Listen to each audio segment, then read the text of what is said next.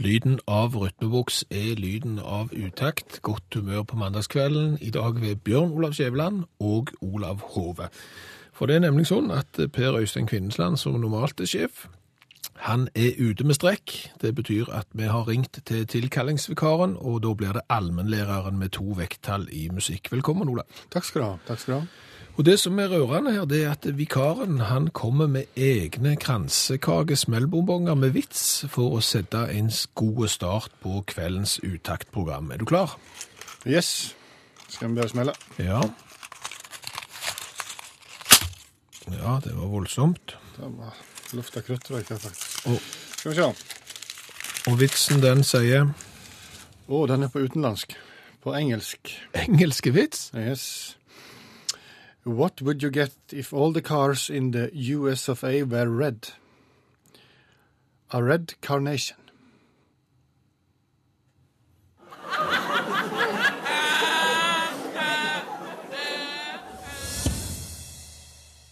Michael Jackson og Bad, som fikk lov til å åpne kveldens utakt med Bjørn Olav Skjæveland og Olav Hove i studio, og på NRK P1.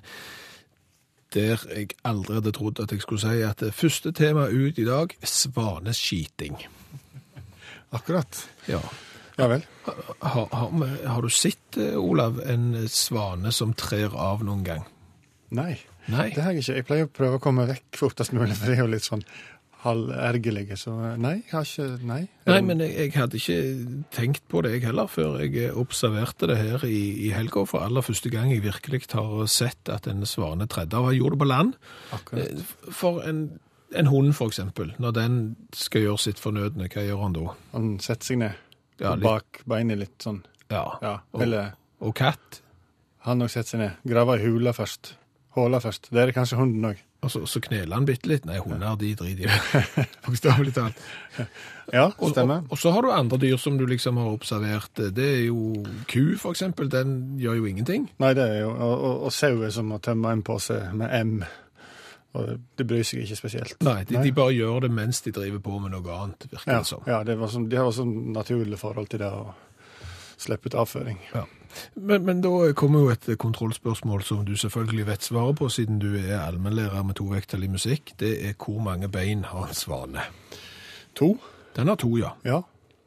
Og den svanen som jeg eh, så, den eh, var på land, ja, for den har en tendens til å hekke i en rundkjøring, eh, ikke så langt fra der jeg bor. Veldig trivelig. Så der går den og spankulerer. Men da når han skulle liksom presse ut avføringen, ja. så løfter han på høyre fot. Akkurat som en hund gjør når han tisser. Så sto, han, på, så sto han og balanserte på én fot, Ja. mens han, eh, ja, som sagt eh, ja, det blir noe estetisk fint over det, kanskje. Ja, det, det ble jo det. Det ble jo mer som en sånn en dans Ja. ut av det. Men, men det er klart at du balanserer på én fot. Du skal tenke det òg. Skal ikke bare gjøre det. Du, noen har funnet ut at eh, evolusjonen har bestemt det sånn at eh, jeg er svane, jeg har to bein. Når jeg nå må tre av, så løfter jeg den ene. Og jeg har sett Svanesjø, Svanesjøen, så det får jo en del bilder i hodet mitt nå, hva det egentlig handler om. Uff a meg. Ja. Ja, Nei, men for uh, sannsynligvis så har vi ikke lagt merke til dette før, fordi at uh, normalt sett så er jo svanen ute der og svømmer som vi bader, Mm. og da gjør han det der. Ble tanken bedre nå på Svanesjøen? Nei, det, det er like galt. Ja. Uff. Men, men i hvert fall så, så for alle som lurer, og alle som noterer og vil ha dette her som en sånn et fakta som de kan ta med i selskapslivet, Mm. en svane, iallfall én svane, den som jeg har sett, den løfter på foten akkurat som en hund når han skal tre av og står der og balanserer på ett bein. Alt en ikke veit. Det er fiffig, ser du. I utakt på NRK P1, der vi dessverre har starta programmet med å snakke om avføring til svane. Og Solfri har sendt inn en eh, Facebook-melding der hun sier at svanen selvfølgelig står på én fot og trer av fordi at han ikke vil ha dritt på foten sin. Ja, det forstår jeg jo. Var ikke det forståelig? Jo, men det betyr jo da at eh, avføringsåpningen på svanen ikke er hva skal si, han er, han er den er jo ikke midt, på, hvis, hvis det resonnementet skal holde vann. Han er sk- eller? Ja, så, så. Ja. Men eh, hvis du vil være med i eventuelt denne debatten eller andre deler av programmet og si hva bør vi snakke om, hva bør vi ta opp, så sender du en SMS til 1987 som du starter med utakt, eller så kan du gå inn på Facebook-sidene til Utakt med skråblikk i fokus. Det kan du gjøre. Ja da.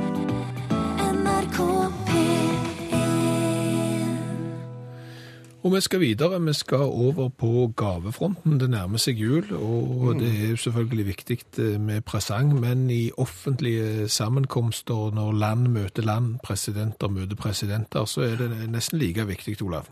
Ja, det er det, og det skal jeg liksom ha greie på, da, tenker en. For at det er jo, dette med å gi gave er ganske viktig, da.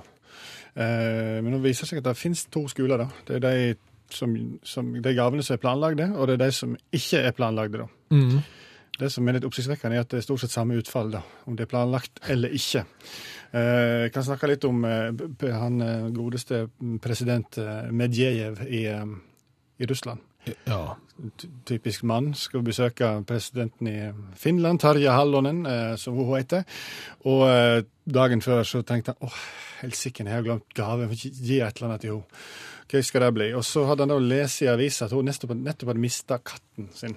Så da ringte det ei bjelle, bokstavelig talt. Ja, Da tenkte han ja, men den er fin, for katten til Medvedev, eh, Dorofejev, for de som fortsetter å notere, um, hadde nettopp fått uh, kattunger. Hadde nettopp kjetla, som det heter på Sognamål. um, så da eh, glimrende. Så slapp han å ta livet av det sjøl, så kunne han gi en til, til, til, til Finland. Så det, han reiste til Finland og sa hei, du skal få en katt av meg, vet du. Dorofejev var nettopp fått utmerka eksemplarer av noen kattunger, så det skal du få. Og Tarjei ble jo glad for det, men eh, du kan ikke ta med deg kattunger ut av Russland sjøl hvor mye president du enn er. Så, så det måtte gjøre noen sånn karantenegreier både ut av Russland, inn i Finland. Så et, et, et katteløst år fullt i sorg, så fikk Tarje da endelig denne, eh, den katten. Ja. Eh, ja. Litt sånn tankeløst av, av presidenten, men eh, Så, så improvisasjonen til, til han Medvedev, det tok, det tok vel et år å få gjennomført. Ja. Ja. Håpløst. Og vi først er i Finland, da, Ja. og vi skal ta et annet eksempel med, med go- Go-planlegging, så, så kan vi jo ta, ta når, når disse her engelske paret fikk baby nå, William og Kate fikk eh, seg baby, så ville de, vil de finske regjeringen gi et såkalt baby starting kit, så helt normalt å gi til alle, første, eller alle som får unger i Finland. OK. Eh, for det var en, en fin gest, da. Eh, det er det som en pakke da, der som inneholder praktiske ting som er greie å ha når du nettopp er blitt foreldre. Det inneholder um, babyklær. Kjekt. Ja, kjekt. Ja. Eh, Et, et babyhåndkle. Kjekt. Våtserviett. Enda kjekkere. Liten pakke med bleie. Kjempekjekt. Biteleike. Ja, kjekt. Am-. Ammeinnlegg. Greit. Kondomer. Og det skapte jo litt brudulje i, i, i diplomatiske kretser, liksom. At uh, en hilsen fra Finland til England Nå har de formeiret dere én gang. Nå er det nok. Slutt. Ikke mer. Det, det er heldig massevis. Um, Som et signal, nå kan du risikere å få en unge som, eh, ja, som ser typisk britisk ut. Det holder. Ja. Ja. Få det ut av systemet. Ferdig med det. Um, og slik, og slik også, da. Altså, um, vi kan nevne Berlusconi. Skal vi komme inn på han? Ja, vi har vært i Finland. Vi kan like så godt eh, dra til Italia, til den tidligere sjefen der nede, som ser ut som han spreide på håret sitt. Ja. Kjenner til han. Eh, han skulle besøke, han skulle til USA. Hadde selvfølgelig ikke tenkt på det her i det hele tatt. Han skulle gi gave. Så var det en som minte han på det rett før han skulle reise, at kanskje, Ja. kanskje det er greit å ta med noe til han presidenten. Og da sveipa han innom soverommet sitt, drog med seg 15 slips og gullklokka, um, ikke innpakka i det hele tatt, og lempa det inn i Washington. Praktisk, og de setter sikkert pris på det. Ja, og det kunne jo vært verre. Han kunne jo gått inn til akkurat det samme soverommet og dratt med seg noe annet, og det hadde sett mye styggere ut, kan jeg røpe. I dag har vi med oss Olav Hove, allmennlærer med to vekttall i musikk. Han er da stand-in, vikarlærer for Per Øystein Kvinnesland, som er ute med strekk, og ingenting er vel da bedre enn å kunne snakke om det norske skoleverket. Nei, det er jo favorittema, så det er helt topp. Jeg kan si det, jeg liker ikke godt å ta vikartimer, men uh, får gjøre et unntak, siden det strekker såpass alvorlig at du må Ja, ta et tak. eh, absolutt. Mm. Eh, Og her i utakt så har vi født, følt, født, ja. Vi har fulgt eh, sønnen min Vebjørn eh, fra den dagen han begynte på skolen i slutten av august eh, fram til nå, fordi vi har lyst til å finne ut, er det så galt med den norske skolen som alle politikerne stort sett vil ha det til? Og vi tenker vel nei. Og hva tenker læreren? Er det norske skoleverket omtrent som det vi får inntrykk av når vi hører på Vebjørn? Ja, jeg syns, det, jeg syns Vebjørn er en helt normal eh, gjennomsnittselev. Eh, ja, det, det er sånn jeg kjenner førsteklassingene. Ja, Verken mer eller mindre, for å si det sånn. Ja, nei, det er, det er korrekt. Så nei, han er fin, han. Ja. Og jeg spurte Vebjørn hva han har lært den siste uka. Jeg lærte om fusjon. Ok, Sånn at flere bedrifter slår seg sammen til en større bedrift? Nei, kjernefysisk fusjon. Det som på papiret kan løse energikrisen i verden. Eh, ok, og hva er greia med kjernefysisk fusjon? Hovedsaken er en prosess der flere atomkjerner smelter sammen og danner en tyngre atomkjerne. Dette medfører frigjøring eller opptak av energi som avhenger av atomkjernenes masser. Jern og nikkel har den høyeste bindingsenergien per nukleon og er derfor mest stabile. Fusjon av to atomkjerner som er lettere enn jern og nikkel, vil frigjøre energi. Men fusjon av tyngre atomkjerner krever energi. Og det er der løsningen på verdens energiproblem eh, kanskje finnes, er det så? Akkurat. Hadde en klart å fusjonere lette atomkjerner i kontrollerte omgivelser, og ikke bare på papiret, så hadde kloden vår hatt en framtid med uante mengder forurensningsfri energi. Det hadde jo vært eh, kanonbra. Eh, hva er utfordringene da? Fusjon krever, motsetning til fisjon, alltid en startenergi for å overvinne frastøting mellom de positivt lada atomkjernene. Og derfor så går det ikke av seg sjøl under normale forhold her på jorda eller universet. Sannsynligheten for at to atomkjerner fusjonerer er en funksjon av tilstrekkelig energi, tilstrekkelig tetthet og sannsynligheten for at disse to kjernetypene reagerer. Disse betingelsene, f.eks. temperatur og trykk, må opprettholdes en viss tid uten at blandingen avkjøles og spres. Dette skjer naturlig i universet når store mengder hydrogen og helium danner ei sol eller ei stjerne. Men en sånn fusjon av vanlig hydrogen foregår svært langsomt og kan ikke utnyttes på jorda. Det er altså årsaken til at normale stjerner kan brenne i mange milliarder år. Men dette varierer ut ifra størrelsen på stjerna. Ja, så har jeg lært det òg. Det var vel omtrent som jeg skulle sagt det sjøl. Har det vært ei grei uke ellers? Ja, Helt greit? ja, helt greit. Travelt er det ikke akkurat. Ja, og allmennlærer Olav Hove, en, en grei representant for første klasse. Ja, jeg synes det. Dette er jo litt elementære ting, men allikevel. Ja, Han var en grei oppsummering, syns jeg. Midt på treet elev. Midt på treet. I utakt, der vi skal snakke litt om det å være venstrehendte. Fordi at eh, jeg, hvis det er lov å være litt personlig her, og det er det vel, Ja, det er greit for meg. ja, jeg, jeg har ei datter som er venstrehendte. Hun gjør alt med venstrehånda eh, helt til hun kommer på håndballbanen. Da skyter du med høyre. Oh. Og, og nå eh, har vel du stor kompetanse på håndball, Olav. Mm. Hva vil du si om fordelen med å være eh, høyrehendte framfor å være venstrehendte på håndballbanen? Det Eventuelt motsatt. Ja. Er du venstrehendt, så kan du være så dårlig du bare vil. Du kommer på laget uansett. Det er verdens største fordel i håndball å være venstrehendt. Ja. Ja. Så, så å være venstrehendte for så å hive med høyre, det er ikke bare en tabbe, det er en kolossal tabbe. ja, det er helt grusomt, det da. Ja. Eh, Men, men, men det er mulig å kjenne seg igjen i det, for å si det sånn. Ja, for du, du er venstrehendte. Og så har jeg en sønn òg. Han er venstrehendte. Han gjør alt med venstre. Spiller fotball med venstre, hiver med venstre, gjør alt med venstre, bortsett fra å skrive. Bortsett fra å skrive, ja. Ja, og det er Vebjørn som har hørt eh, nå nylig, som går i, i første klasse. Han eh, skriver med høyre.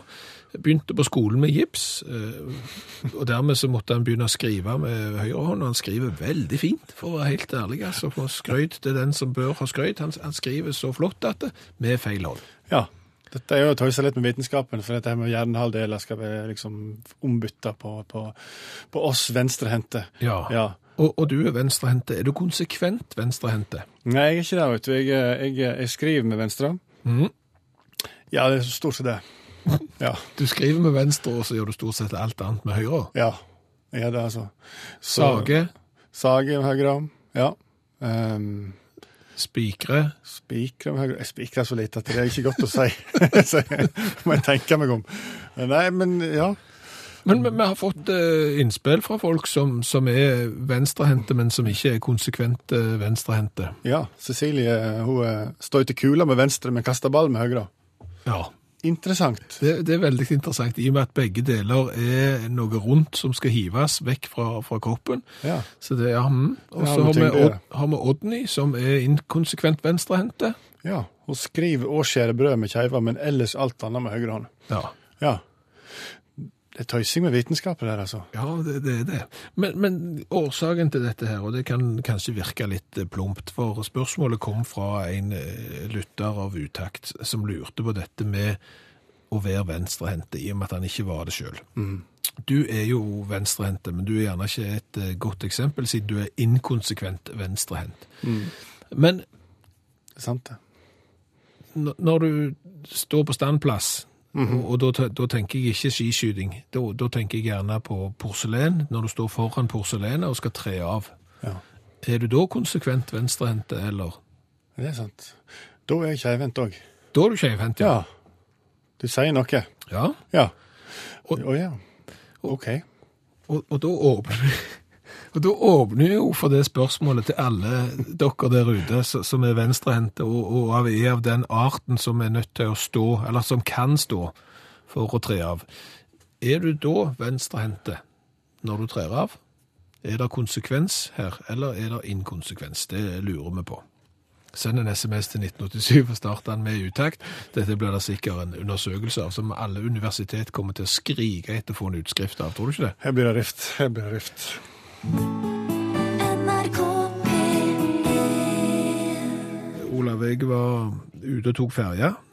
La oss si, ja, rent hypotetisk så kan det jo ha vært eksempel mellom Stavanger og det lille tettstedet i Rogaland som heter Tau. Ja. Det trenger jo ikke være det, Nei, nei. men, men det var det. Det var det, Ja, det, okay. det, det var det. Og, det er ferje som jeg har tatt eh, mange ganger, men eh, i og med at vi er inne på å tre av, og det har stort sett det som har vært til- Så det er snakker om, en tendens. ja, Ja. Eh, Så måtte jeg, eh, naturen kalle det, og jeg måtte da eh, inn på dette toalettet på denne ferja. Akkurat. Og det har jeg aldri gjort før. Nei, løfter du på høyre eller venstre bein? Nei, jeg løfta ikke på noen ting, men det som jeg syns eh, var litt rart, det var at når jeg kom inn på dette rommet, så var det sånn et neonlysaktig, sånn eh, litt blått, litt uh, lilla lys. Ringer av bjelle, ja. Ja, sånn lys som, som da blir brukt for at du ikke skal se blodåren i armen din, og når du da setter narkotikumet, som du har med deg når du er på ferjetur, selvfølgelig, Hasjen. Ja. så, så, så finner du ikke blodårene, og da er det ikke vits i. Nei. Og, og denne ferja gikk mellom storbyen Stavanger og tettstedet Tau. Akkurat. Hva forteller dette om Tau? Det er flere ting, kanskje. Eh, Det forteller kanskje at eh, Tau er et eldorado for, eh, for narkotikere. Kanskje. Hva vet jeg. At, det- at det er liksom sånn at det er nesten som et- festivalområde for alle de narkomane i storbyen Stavanger, sånn at Ja. de med en gang de har Ja, et lite frikvarter for alt det de driver på med, så, Ja. så setter de seg på ferja, og så drar de til Tau for å, å møtes. At hagene er fulle i opium, og det er bare å på en måte tømme seg. Ja, men, men på annen side så kan det jo tenke, nå tenker jeg litt sånn røyfylke, kanskje litt puritansk, kanskje, det er jeg ikke sikker på forresten, men, men, men kanskje det, det sier litt om at det er en paranoia på tau, kanskje?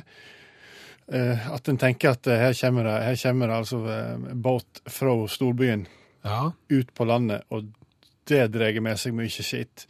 Så, så, så, så det kan, jeg tenker paranoia kanskje kan være en teori. mm. Eller eksempel at eh, på tettstedet Tau så er det såpass mange sprøytenarkomane at eh, de drar jo hver dag inn til byen Ja, for å narko narkomanisere seg sjøl. Ja, og dermed har de sett seg nødt til å sette opp sånn lys. ja for det, det er ikke noe marked for, for heroin på tau, sånn kjøpemessig sikkert. Nei. Akkurat. Men, men, men uansett, tenker jeg, når det er sånn lys på toalettet, Mhm.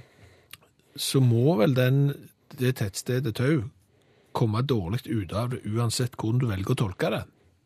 Ja, egentlig. Du har et poeng, altså. Du har et poeng. Eh, Det, det kan jo være at de ikke hadde vanlig lyspære når de bygde ferja. At, At det liksom, nå, nå setter vi inn, nå setter vi inn ruta, men det eneste vi mangler er lys på do. Vi har ikke lyspære, men vi har noen neon her som vi har fått dratt med oss opp fra Horten.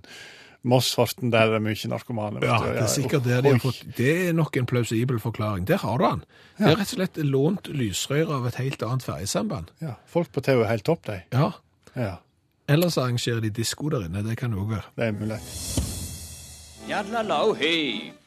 For eh, vi skal ha konkurranse i dag òg, og det skal vi ha etter Dagsnytt eh, klokka 11. Og normalt sett, eh, Olav Hove, så pleier det være en konkurranse der folk ringer Ja, normalt sett og normalt sett. Vi bytter jo konkurranser omtrent som folk bytter undertøy her i utakt, men de siste gangene har det vært en konkurranse der folk får lov å velge et sidetall i en quizbok og få et vilkårlig spørsmål. Men i og med at vi har fått inn en lærer som vikar i dag, så er det litt annerledes. Ja, og så ble det jo litt full fart her i dag, da. Så, så du ringte meg her og sa at ta med ordfagsbok eller noe slikt. Så det prøvde jeg å gjøre, men så eh, I, i, i villreden og i, i farten ut døra hjemme, så visste jeg at jeg tok ikke med ordfagsbok. Jeg tok med meg en bok som heter Religion, mennesker og tro. Det er altså en lærebok i religion eh, for den svenske ungdomsskolen. Eh, Fra den svenske ungdomsskolen, ja. ja. Og, der er det spørsmål. Ja, der er det spørsmål eh, som er forholdsvis overkommelige. De er jo ikke så flinke eh, som, som Vebjørn, svenskene. Det er jo en kjensgjerning. Så jeg tror det er forholdsvis overkommelig. Jeg har jo testa litt på deg, og du klarte jo iallfall én av tre. Ja. Så eh, ja. Så, så det du har lina opp nå, er en svensk religionsbok, og har eh, gjort klare tre spørsmål innenfor eh, tre forskjellige kategorier innom det, innom vide spekter av religion. ja, jeg tenker vi kan velge litt tilfeldig òg fra sidetall og slike ting, da. Ja, Eh, ja. Så det blir eh, et lite moment av vilkårlighet her òg. Det blir det garantert. Altså, så um, det er bare å ringe inn. Ja, Det- hvis du har lyst til å være med i eh, religionskvissen til allmennlærer Olav Hove, så sender du en SMS til 1987 som du starter med utakt, og det eneste du trenger skrive det er navnet ditt og hvor du bor. Send en SMS til 1987, start meldingen med utakt hvis du vil være med på Olav Hoves religionskviss. Trenger ikke helt store kunnskaper om religion, men du kanskje kan være litt stødig svensk skada. Ikke. Nei, er dette KRLE, er det RLE, eller er det, hvor, hvor ligger svenskene i forhold til det? Det er på religion. Åhå, Ja, å, just just Ja, herlig.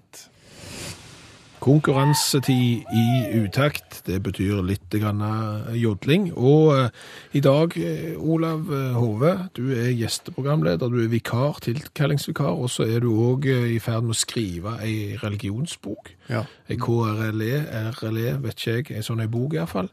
Eh, stemmer. og når du ble bedt om å ha quizen i dag, så ble det religion som tema. Ja, litt i vannvare må innrømmes, men det ble nå det. Ja, fra ei svensk, svensk lærebok. Svensk lærebok. Ja. Ja. Og, og den som skal være med å ko konkurrere, det er Hans Olav Kvål, trønder i Asker. God dag og god aften. God dag, god dag. God kveld, god kveld, ja. Hvordan har det vært å være trønder i Asker på en mandag? Bedre enn å være en trønder i Molde, sikkert, men eh, allikevel? ja. Det skal jeg love deg at er bedre å være i Asker enn i Molde akkurat nå. Ja. Eh, Men eh, det er, det er bare å anbefale det. altså. Asker er en eh, kjempeflott plass. Er du sterk på religion? Ja. Ja. ja, men da skal vi gjøre det så Altså, vi har lagt opp til tre Vi har lagt opp til tre spørsmål, og det er da et eh, religionsgenerelt aktuelt spørsmål. Så har vi et om kristendommen, og så har vi et om hinduismen, og så bare velger du fra én til fem, så får du et vilkårlig spørsmål. Og svarer du rett, så får du Og svarer du feil, så får du Men uansett, Hans Olav, så får du ei T-skjorte med V-hals fra utakt. Ja, Olav, skal vi begynne med det eh, generelle eh, og aktuelle spørsmålet? Ja, kanskje vi det. det. Det er bedre å velge, altså, Hans Olav, fra én til seks. Kan du gjøre det? Jeg liker tre. Det gjør du. Godt valg. Nå er det egentlig tre forskjellige mm, typer oppgaver òg. Det er sånn frågor til teksten, fundera mera og søk videre på egen hånd. Jeg ser at nummer tre på søk videre på egen hånd står eh, lag et kollasj om Gud og menneske. Det skal du få slippe. Så vi tar vi til teksten. ja. Frågor til teksten. Kan du gi et eksempel på et bildforbud i religionene? Et bildforbud. Mm. Ja, jeg er kanskje ikke så god på svensk, men bildforbud Jeg tipper at det skal bety at det ikke er bildeforbud. Det er, Og det er vel eh, I islam så er det forbudt å ha bilder av Mohammed, det er ikke det sånn? Det var rett for på det. det Olav. korrekt. For øvrig er bildeforbud både kristendommen og jødedommen òg, sånn at det- for, for de som fortsetter å notere etter Svane-episoden. Hva det ikke lov til å ha bilder av i kristendommen. da. Det er Gud. Ikke Sjøl, sjølveste sjefen. Nei, det er ikke det. Oi. Så, så vær litt forsiktig med det nå. Nærmer seg jul. Da har vi lært noe i dag òg. Da skal vi videre til kristendommen og et spørsmål der. Eh, Hvis du velger fra én til seks, eh, Hans Olav. Nei, vi holder oss til tre. Ja, godt valg igjen. Vil Lag en kollasj nå òg? Nå er det du, For all del, du kan lage en kollasj, men, men, men spørsmålet er altså hvilke fire evangelier finnes det i Bibelen? Så Få spørsmålet en gang til. Hvilke fire evangelier finnes det i Bibelen? Lukas, Matteus eh, Johannes. Ja. Er jeg helt på villspor, eller? Nei, nei, nei, du har tre rett. Mangler bare ett. Det- er, Um, Det siste på M. siste på M. Eller M. Du har Matheus, har du sagt på M. Markus. Markus. Du kunne vært teolog, du, vet du. Det er vet godt. jo ikke noe om meg, eller ikke da? Nei, det er sant. Kanskje du er det. Hvis du hadde vært teolog, Hans Olav, og hadde sittet og tenkt deg om på de fire evangeliene, så hadde jeg sagt syv år på teologistudiet hadde kanskje vært bortkasta. Da skal vi videre til siste kategori, og det er hinduismen. Spørsmål 1 til 6. Ja, jeg tar en uh, råsjanse på tre. Ja. For å variere litt, så skal du få nummer tre her. Um, hva betyr reinkarnasjon? Det betyr gjenfødelse. Yes. Eller återfødelse, som de sier i denne boka her, da, men eh, vi godtar det. Ja, ok. Nei, men det var jo strålende det, Hans Olav. Og tror du på inkarnasjon sjøl? Jeg tror på mye rart, jeg. Ja. Hvis du skulle bli, re Ja, det hvis du skulle bli, re sånn. hvis du skulle bli reinkarnert, hva ville du vært eh, født igjen som? Er det ikke noen regler inni det der? At du blir født igjen som nå, noe Hvis du har oppført seg fint og sånt, så går det i takk opp. Det er sin fordel oppfører oppføre seg greit, ja. Ikke jeg får lov til å velge sjøl, da. Men Ja. har jeg fått lov til å velge sjøl, så Hadde du valgt Molde-supporter eventuelt? det skal jeg love deg at jeg ikke har gjort. Ha en god kveld, Hans Olav.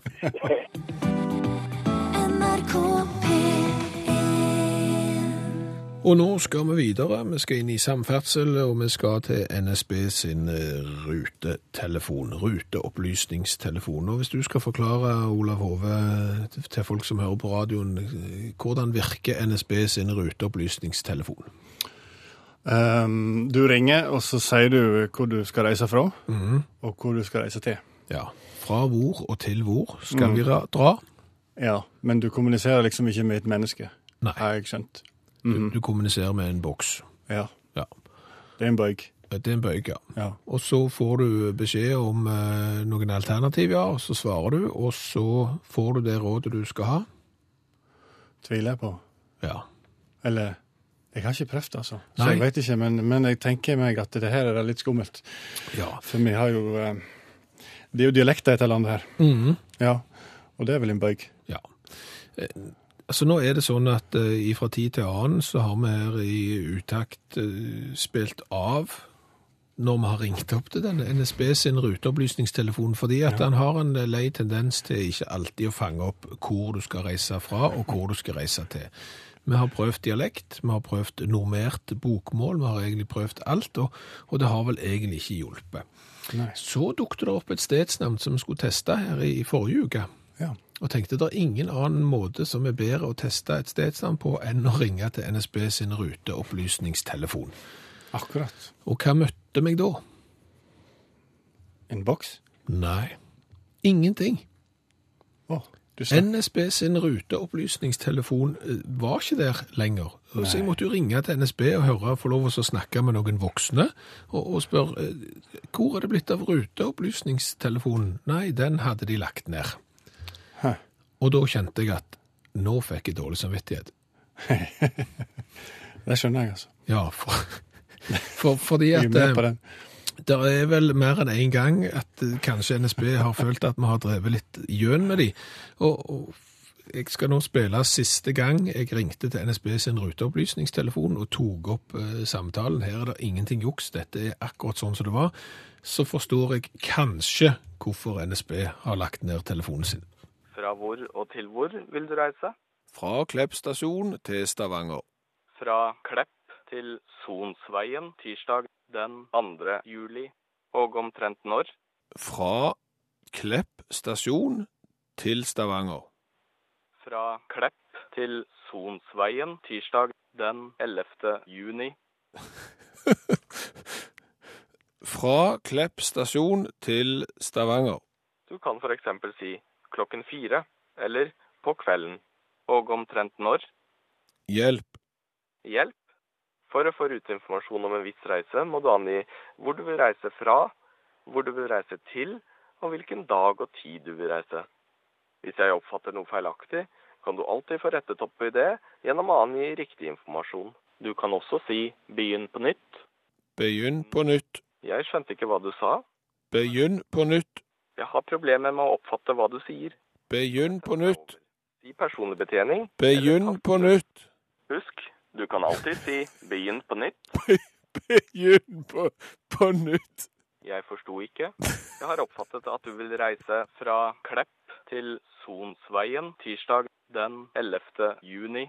Hvis noe er feil, angi bare riktig informasjon. Fra Klepp stasjon til Stavanger. Jeg forsto ikke. Jeg har oppfattet at du vil reise fra Klepp til Sonsveien tirsdag den 11. juni. Skjønner du at de har lagt den ned? Nei, det er dritt når de legger ned sånt. Jeg synes den, den kunne de bare beholdt, og så kunne de bare kalt den for noe annet. For eksempel NSB sitt muntrasjonsråd istedenfor ruteopplysningstelefon, så hadde du hatt den. Helt topp, det. Du Altså. blir i godt humør når du skal Ja. reise fra Klepp stasjon til Stavanger, og han foreslår Sonsveien, og han hele veien forandrer dato. Det kan ikke bli kjekkere. Sjelden har det vel passet bedre med Til Elise enn for nå skal vi utenriks. Og en elendig overgang, men eh, Olav Hove, allmennlærer med to vekttall i musikk, du er jo en globetrotter. Ja, jo. Reiser jo litt innimellom. Ja, du Ja. har jo en del fritid, så du skal få svidd av, og da går du gjerne utenlands. Ja, ja, ja. ja. Det er sant, det. Det, er sant det. Og når du leter etter flybillett, eh, liker du direkterutene, eller liker du de med mellomlanding? Jeg er jo en forkjemper for eh, direkterute, men jeg er jo klar over at det begrenser hvor mye bensin du kan ha på et fly. Alt det greiene der. Jeg innser jo det. Ja. Så, eh, men eh, jeg, jeg, jeg tror jeg aldri tar direkterute. Det er alltid en mellomlanding en eller annen plass i Mhm. Frankfurt eller Amsterdam eller, eller noe slikt. Ja. I den dur. Og da liker du å vente. Det er noe av det du setter pris på hvis det er gjerne 10-11 timer til neste fly går. Det syns du er greit. Ja. Sove på en benk eh, i Frankfurt. Det er liksom Det er ikke noe som er så godt som det, på en måte. Nei, fly, flyplasser er jo stort sett kjempeinteressant verden over. Ofte veldig kjekt, ja. Det er helt sant. Så det Og nå satt jeg og, og, og lette etter flybilletter, for jeg tenkte jeg skulle få til en juletur. mm, Fikk med meg det. Ja, og, og da var det jo hvor i Europa kan du reise for en billig penge. Så jeg, jeg, jeg søkte jo sånn vilkårlig, satt eh, rett og slett med et kart. Ja. Plukket ut alle de store byene i Europa som jeg tenker de har sikkert flyplass. Ja. Og så begynte jeg å søke. Så jeg begynte i London. To mann til London for under 3000 kroner, det er ikke verst. Nei, det er fint, altså. Eh, Så begynte jeg å se lenger sørover, tenkte at rett før jul kan det være kjekt med plussgrader òg. Så begynte liksom med Barcelona og til plasser nede i Italia der. Eh, Mm. Ja. Drøye 3000 kroner. Eh, OK, to mann, så ikke langt verst. da, ja. Ja. Okay. Istanbul, Istanbul. ja. Ja. Eh, 3007 Jøss. eh, for, for to mann ned der. Hjelpe meg. Det, det, er, jo ikke verst. Men, men, det, men det som var poenget her, det var jo da at eh, når jeg sjekket disse flyene mer grundig, så var det sånn at enten så gikk de via Amsterdam, mm. eller så gikk de via Frankfurt. Ja. Det er jo store knutepunkt. sant? Ikke sant. Ikke sant. Eh, så da tenkte jeg, ok, 3700 liksom via Frankfurt. Ok, hva hvis jeg bare reiser til Frankfurt da? Ja, bankhovedstaden i Europa. Mye kjekt der. Eurohovedstaden, Oi, sant? ja, ja, flott. ja, da jeg, det må jo være billig da. Ja, ja. Siden jeg kommer helt til Istanbul for 3007. Mm. Ja, eller så kommer du til Frankfurt for fire. OK. Ok, men da sjekker jeg, ok, det var såpass billig å reise til London, under 3000 kroner. Det var via Amsterdam med KLM. Hva hvis jeg bare skal til Amsterdam da? Nei, da er det fire. Det er spesielt. Ja, det er jo en blendende logikk. Altså, hvis du sitter på helt til endes og bruker to fly, Ja. ekstra mye bensin, eh, sånn, så betaler du mye mindre enn hvis du bare blir med på første strekket. Ja, det høres ikke så miljøvennlig ut heller. Eh, Så, så altså hvis du, det koster 300 kroner mindre å flyge til Istanbul via Frankfurt enn bare å flyge til Frankfurt? Ja. Ja. Så Men tenk deg da at eh, du har egentlig ikke lyst å dra til Istanbul, du har bare lyst å dra til Frankfurt, for de har jo, ja, de har jo eurohovedkvarteret. ja, De har f.eks. for eksempel eh, et av Tysklands største julemarked.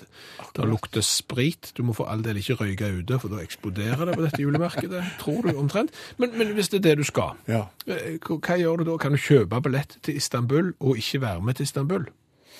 Og så hoppe av, liksom. Ja, for det er billigere. Jeg vet, kommer du deg ut av flyplassen? Ja, du gjør kanskje det?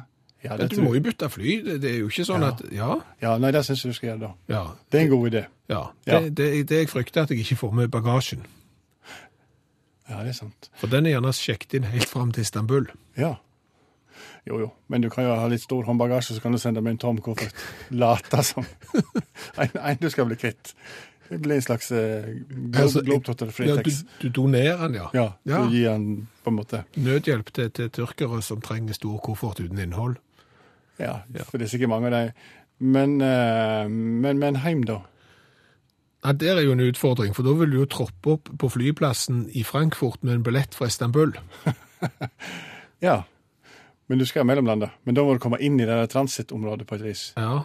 Og du har ikke noen grunn til å være der, for du er ikke i transitt. Nei. Åh, det er en brekk. Nei, den er vrien. Men eh, altså, jeg skjønner jo, jeg skjønner jo mek altså, mekanismene er jo gjerne sånn at nå skal vi ha tilbud på, på et flystrekk. Det Ja. er for så vidt greit. ok? Ja, ja, ja, ja. Og ergo så, så var det lav pris på noen av det. Men det var konsekvent, dette her. Jeg kunne jo flytte til Krakow og til ja, byer i knapt Baku og holdt jeg på å si. Altså, vi kunne fly Europa rundt for mindre enn det det kosta å hoppa på halvveien. Den tyske turistmyndigheten som driver og roter det til, kanskje. De vil ikke ha folk til bankhovedstaden. Nei, Nei, de vil ha folk i dress De- som har minibankkort. de vil ha den for seg sjøl. Ikke skjønner jeg det. I utakt på NRK P1, hvor vi skal holde oss utenriks. For eh, når du er på offisielt besøk i et annet land, så er det jo vanlig å ta med seg eh, presang. Det er jo bare høflig. Og ikke alltid er det godt planlagt, det som er gitt, og av og til så faller det ikke i smak. Eh, Olaf Hove, du har greia på dette. Ja, det er helt sant. Eh, Nå snakket vi om eh, Vi kom jo til slutt inn på han eh, godeste Barack Obama. Han får enormt mye presanger. Ja. fra, fra rundt omkring. F.eks. midt under helsereformstyret med han i 2011, så fikk han av den australske statsministeren Julia Gillard, så, så var, han var på besøk i Australia da, for å roe ned litt, så hadde hun glemt helt. Så i, i farten så fikk han jo krokodilleforsikring. Um, ja, det er jo trivelig. ja. Ja. Så i tilfelle da han ble spist av krokodille på oppholdet, så ville da Michelle Obama få en, en sum eh, penger. da. Eh, masse slikt. Og, og den hollandske statsministeren ga Barack en, en oransje sykkel med dobbelt sete. ble påpekt at det var ikke tandem, da, men det var dobbelt sete på den. Eh, sikkert rappa fra et automat i Amsterdam eller et eller annet. Men, men, så dårlig gjort. Men vet du hva, han har så godt av det, for han Barack Obama kan ikke gi presanger sjøl. Han har ikke peiling. Han er dårlig? Ja. Hva, hva, er det, her- hva, hva gavesvin er det han har på skogen? Han var, I 2009 så var han i, i England da, eh, og besøkte først eh, dronningen. da. Og Hun ga som hun pleier gjøre, et bilde av hun, seg sjøl og mannen. Han, han slabbedasken av en, av en gemal som hun dronningen Elisabeth har. Et bilde verdt 435 pund, og innramma alt greit. Og så her er presangen. Og dette gir jo til alle, så det er, det er helt fint. da. Mens eh, Barack, da, han som skal være hipp og, og kul, og en med andre, han ga da eh, dronningen en, en, en iPod. Ja, og hun er 250 Ja, år. sant. Ja. sant. Hun er født i 1623, så hun kan ikke få en iPod. Så, så det ble styr med det. Men, Og, og hva hadde du på der? Bare sånn amerikansk raps? Nei, nei, det var, nei, det var bare musikalsanger fra Broadway. Å, ja. ja. Det var nå kan hun fordype seg i det, tenkte Barack. liksom Kjørte på. Eh, tok ikke imot kritikken og dundra videre til statsminister Gordon Brown. Og Gordon Brown er jo en gentleman, vet du, så han hadde da Han ga Barack en penn da det var innfelt ei flis fra HMS Gannet, altså båten som var med når det gjaldt når det gjaldt frigjøring og slaveri og sånne ting. En sentral oh, ja, okay. ja, Veldig fin gave. gjennomtenkt. Gjennomtenkt. Så Barack tok imot og sa kult penn, liksom, som ikke hadde det fra før av. Her skal du få en DVD-boks av meg på 25 sneisende filmer fra Hollywood. så, og det slengte han i, i, i Gordon Brown og syntes han var storkar. Ja. Så er det det med DVD-er, da, vet du. Eh, Ja, Det er sånn sonebelagte greier. det er riktig. Yes. Sone 1 USA, sone 2 Europa. Ikke sant? Så her, Gordon Brown, skal du få en, en boks med 25 ubrukelige DVD-er. um, Blei, sant? Og da blir det litt vas etter det. sant? Og, Ja. og, og, så, så, og så ble det bestemt i Washington at vi må ha en komité på de greiene der. Komiteer er det for lite av. Ja, det er altfor lite. Og Barack, du har ikke peiling. Du gir jo all slags tull. Og før du liksom ødelegger alle våre diplomatiske forbindelser, så må vi faktisk har en komité ned. Og det ble sett ned, og, og mens dette her pågikk, da, så, ble det, så bytta en statsminister i England. David Cameron skulle da besøke Washington. Og da var det ilddåpen til komiteen. Da var det ilddåpen til komiteen, og her ble det satt ned brainstorming, jobba natt og dag og bånn gass og en med andre. Og eh, etter å ha dedusert og tenkt alliert, en, en venn, eh, ah, engelskmenn eh, na, na, Så fant de ut yes, vi gir han en grill. Og for sikkerhets skyld så kaller vi grillen for Obama-Q. Så tenkte Cameron det var litt rasistisk ut, men det var sikkert kjempedypt, liksom. Det skjønte jeg ikke. Så han spurte liksom folk hva søren betyr at han skal gi meg en grill. Obama-Q, liksom. Nei, ingen skjønte det, men det var sikkert djupt, og det var sikkert utrolig gjennomtenkt. Så det, hva skjedde? Jo, det måtte ha en komité i England òg. Lang komité, jobba natt og dag før besøket, liksom, og masse att og fram og hit og dit. Så fant de den ultimate gava og tok den med seg, og så ordna det seg. Jeg tenker at uansett, hvis jeg hadde fått iPod, iPad, eh, DVD-filmer som ikke virka, eller eventuelt en grill, så hadde jeg vært mye gladere enn hvis jeg fikk et bilde av dronning Elisabeth og han hadde halvstøvingen av en mann. Men vet du hva han fikk, Obama, av eh, David Cameron? Nei. Bordtennisbord. Det er jo nasjonalidretten i England. Eller, eller ikke. Pang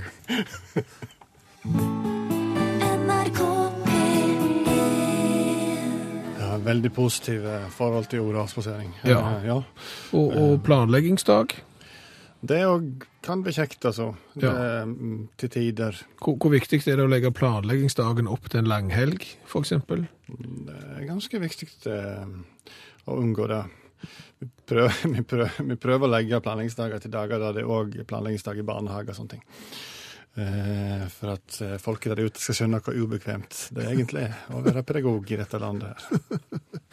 Ja, for det jeg har tenkt å la deg få høre nå, og la deg ta, ta stilling til, det er eh, en lærer som jeg snakket med for en tid tilbake. Han eh, sa etter 15 år i læreryrket, så sa han stopp. Akkurat. Eh, samvittigheten i forbindelse med all avspaseringen, den var ikke til å, å leve med. Rett og slett. og, og av hensyn til, til familien og, og de pårørende så har vi vært nødt til å anonymisere mannen, men vi kaller han for Trond Olesen for det, for han heter jo noe som ligner på det. Og jeg spurte han hvor mange uker fri har egentlig lærerne i løpet av et år? Nei, altså det pleier vi ikke å telle så nøye. Vi, vi har ikke tradisjon for det i, i den kulturen, så vi snakker vel helst da om, eh, om hvor mange uker vi er på jobb. Så vi har jo da 39 ukers arbeidsår. Men hvis en da trekker 39 fra 52, så kommer jeg til 13. Og det betyr at det er da 13 uker fri i løpet av et år. Ja, det er vel faktisk kanskje det. Mm. Hvordan rettferdiggjør dere disse 13 ukene? Nei, det, det var jo litt av det som var problemet når jeg valgte å hoppe av, at det var vanskelig å rettferdiggjøre eh, kanskje en del av de ukene. Men det er jo da avspasering, det som er utover de fem som er normal ferie. OK, eh, da tenker jeg at skal du da ta ut åtte uker avspasering, så må du da i løpet av det samme året ha jobba åtte uker overtid. Ja, det er jo 1685 arbeidstimer da i et lærerårsverk som skal fordeles på de 39 ukene. Så det betyr at en lærer skal jobbe fra åtte til syv minutter over halv fem hver dag. For å rettferdiggjøre den avspaseringen. Ja. Er din erfaring at dette skjer? Nei, det er vel eh, Det er vel ikke det. Alle som bor ved siden av en skole vet at det ikke er biler igjen på parkeringsplassen når klokken blir tre. Så i hvert fall så arbeider i så fall folk hjemme om ettermiddagen. Ja, og det er det vel mange som gjør. Det er mye rettarbeid, og det er mange fag som krever mange timer overtid, og, og en sitter gjerne hjemme og gjør det. Jo, det stemmer jo det. Men hvis du går hjem halv tre, sånn som de fleste lærere da kanskje gjør, så har du to timer og syv og et halvt minutts arbeid hver kveld som du skal gjøre. Og hvis du da har f.eks. familie, eller kanskje en hobby, kanskje du synger i kor, sånn som veldig mange lærere gjør, så havner du fort bakpå hvis du skulker unna de to timene en dag. Og da samler det seg opp en, et, en negativ avspasering nesten. Ja, det var jo det som skjedde med meg. da. Jeg, eh, det begynte med at jeg vente meg til å gå hjem halv tre når de andre gikk hjem, og så plutselig var det en fotballkamp på TV eller noe sånt som gjorde at jeg, jeg havna bakpå to timer, og så hadde jeg fire timer dagen etterpå som jeg skulle ta igjen der, og så balla det på seg, og det ble til slutt et samvittighetshelvete av det. Så jeg talte faktisk timene mine nokså nøyaktig et år, og da følte jeg jobbet ganske mye, men når skoleåret var slutt, så skyldte jeg arbeidsgiver mer enn 100 timer. Eh, og det er klart at det gnager jo på samvittigheten når det gjentas år etter år i, i 15 år, da, sånn som det gjorde for mitt vedkommende, så er det jo godt over 1500 timer jeg da skylder samfunnet. Hvordan har du opplevd å, å gå hjem fra jobb eh, i halv fire-tida f.eks., i stedet for i halv tre-tida? Ja, nei, det har jo hendt en sjelden gang at man blir sittende over. Så det hender jo det, altså. Men, og jeg husker en gang så, så ringte jeg til lokalradioen og sa at det må ha vært en trafikkulykke eller noe sånt her på motorveien, fordi at det står jo bom fast i kø. Og så, og så viste det seg at jeg kjørte jo bare hjem når alle andre pleide å gjøre det. Oi, så det var vanlig ettermiddagsrush, da. Så det var jo litt flaut. Du gjorde ikke det flere ganger. Nei. Det er et eh, sterkt budskap, Olav Hove. Ja, det er typisk for sånne fundamentalister som, som, som kommer med ekstreme med utsagn. Altså, det er jo sånn ondsinna antilærerpropaganda. Det blir vi utsatt for stadig vekk. Altså. Alltid når det er godt, så skal, en, så skal det være noen som klager. Og så bare et par kontrollspørsmål, eh, Olav Hove. Ja. Um, ungene dine, hvor, hvor lange var de når de var født? Jeg vet ikke, sånn poetisk en gyllen halvmeter, alle tre. Ja, eh, Vekt? Ja, hva sånn tre-fire kilo. Sånn cirka? Ja. Eh, Når på døgnet var de født? Det var på dagtid, og litt på kveldstid. Oh, herre fred. Eh, hva, hva størrelse sko har, har, har kona di? Jeg vet ikke, altså. Det er, det er rundt 40, rett under, kanskje. 30, Og, og stålsykler er sånn 38, 40, 40 sånn i større klær? Har ikke peiling. Nei, der ser du. Nei. Og, og, Ja. og det er jo inn i den rekka av spørsmål som vi mannfolk ikke kan svare på når det gjelder egen familie. Det er helt sant. Det er et utmerka poeng. Og jeg er helt bombesikker på at hvis du hadde spurt kona di, så hadde du visst på grammet hvor mye ungene dine veide når de ble født. Ja, ja, ja. Så jeg, jeg har ikke peiling. Nei. Og, Nei. Og, og hvorfor er det sånn? Jeg vet ikke. Og, og hva andre temaer er det vi ikke kan? Altså Bortsett fra f.eks. klesstørrelse på barn og, og kone og sånn, og tid de er født og hvor mye de veide. Hva andre områder er det vi virkelig kommer til kort? Ja, altså, av og til så ringer f.eks. søsteren min og sier hva størrelse jeg skal kjøpe en genser til en av døtrene. Hva størrelse har hun? Så jeg har ikke peiling. Aner ikke. Så størrelse på ungeklær aner ingenting om det. Nei. Jeg klarer fødselsdato, vi må tenke meg litt om. Ja, det, det er viktig at hvis du skal på legevakten, så må du ha tenkt gjennom dette på forhånd. For Ja, når det ja, ja. spørsmålet kommer bardust, ja, hva tid er du født? Og da begynner du å spole, og så sier du feil, vet du. Ja, sånn? så ringer de barnevernet. Så finner de ikke tid ungen din er født, for det er det ingen som heter på den fødselsdatoen. Så der må du, den må du ha tenkt igjen på forhånd. Jeg tenker konger, jeg. Åh, herre fred. Ja, ikke og, sant? Og, og, og ungene til, til, til de rojale, der er jeg dårlig. Og jeg òg. Har ikke peiling. Kontrollspørsmål. Märtha Louise gift med Ja, i ben. og har hvor mange unger? Åh, 28 Nei, tre, noe sånt. Hette? Og det er sånn, alle heter noe fra Ringenes herre. Gandalf. Sauroman. Ja, sant?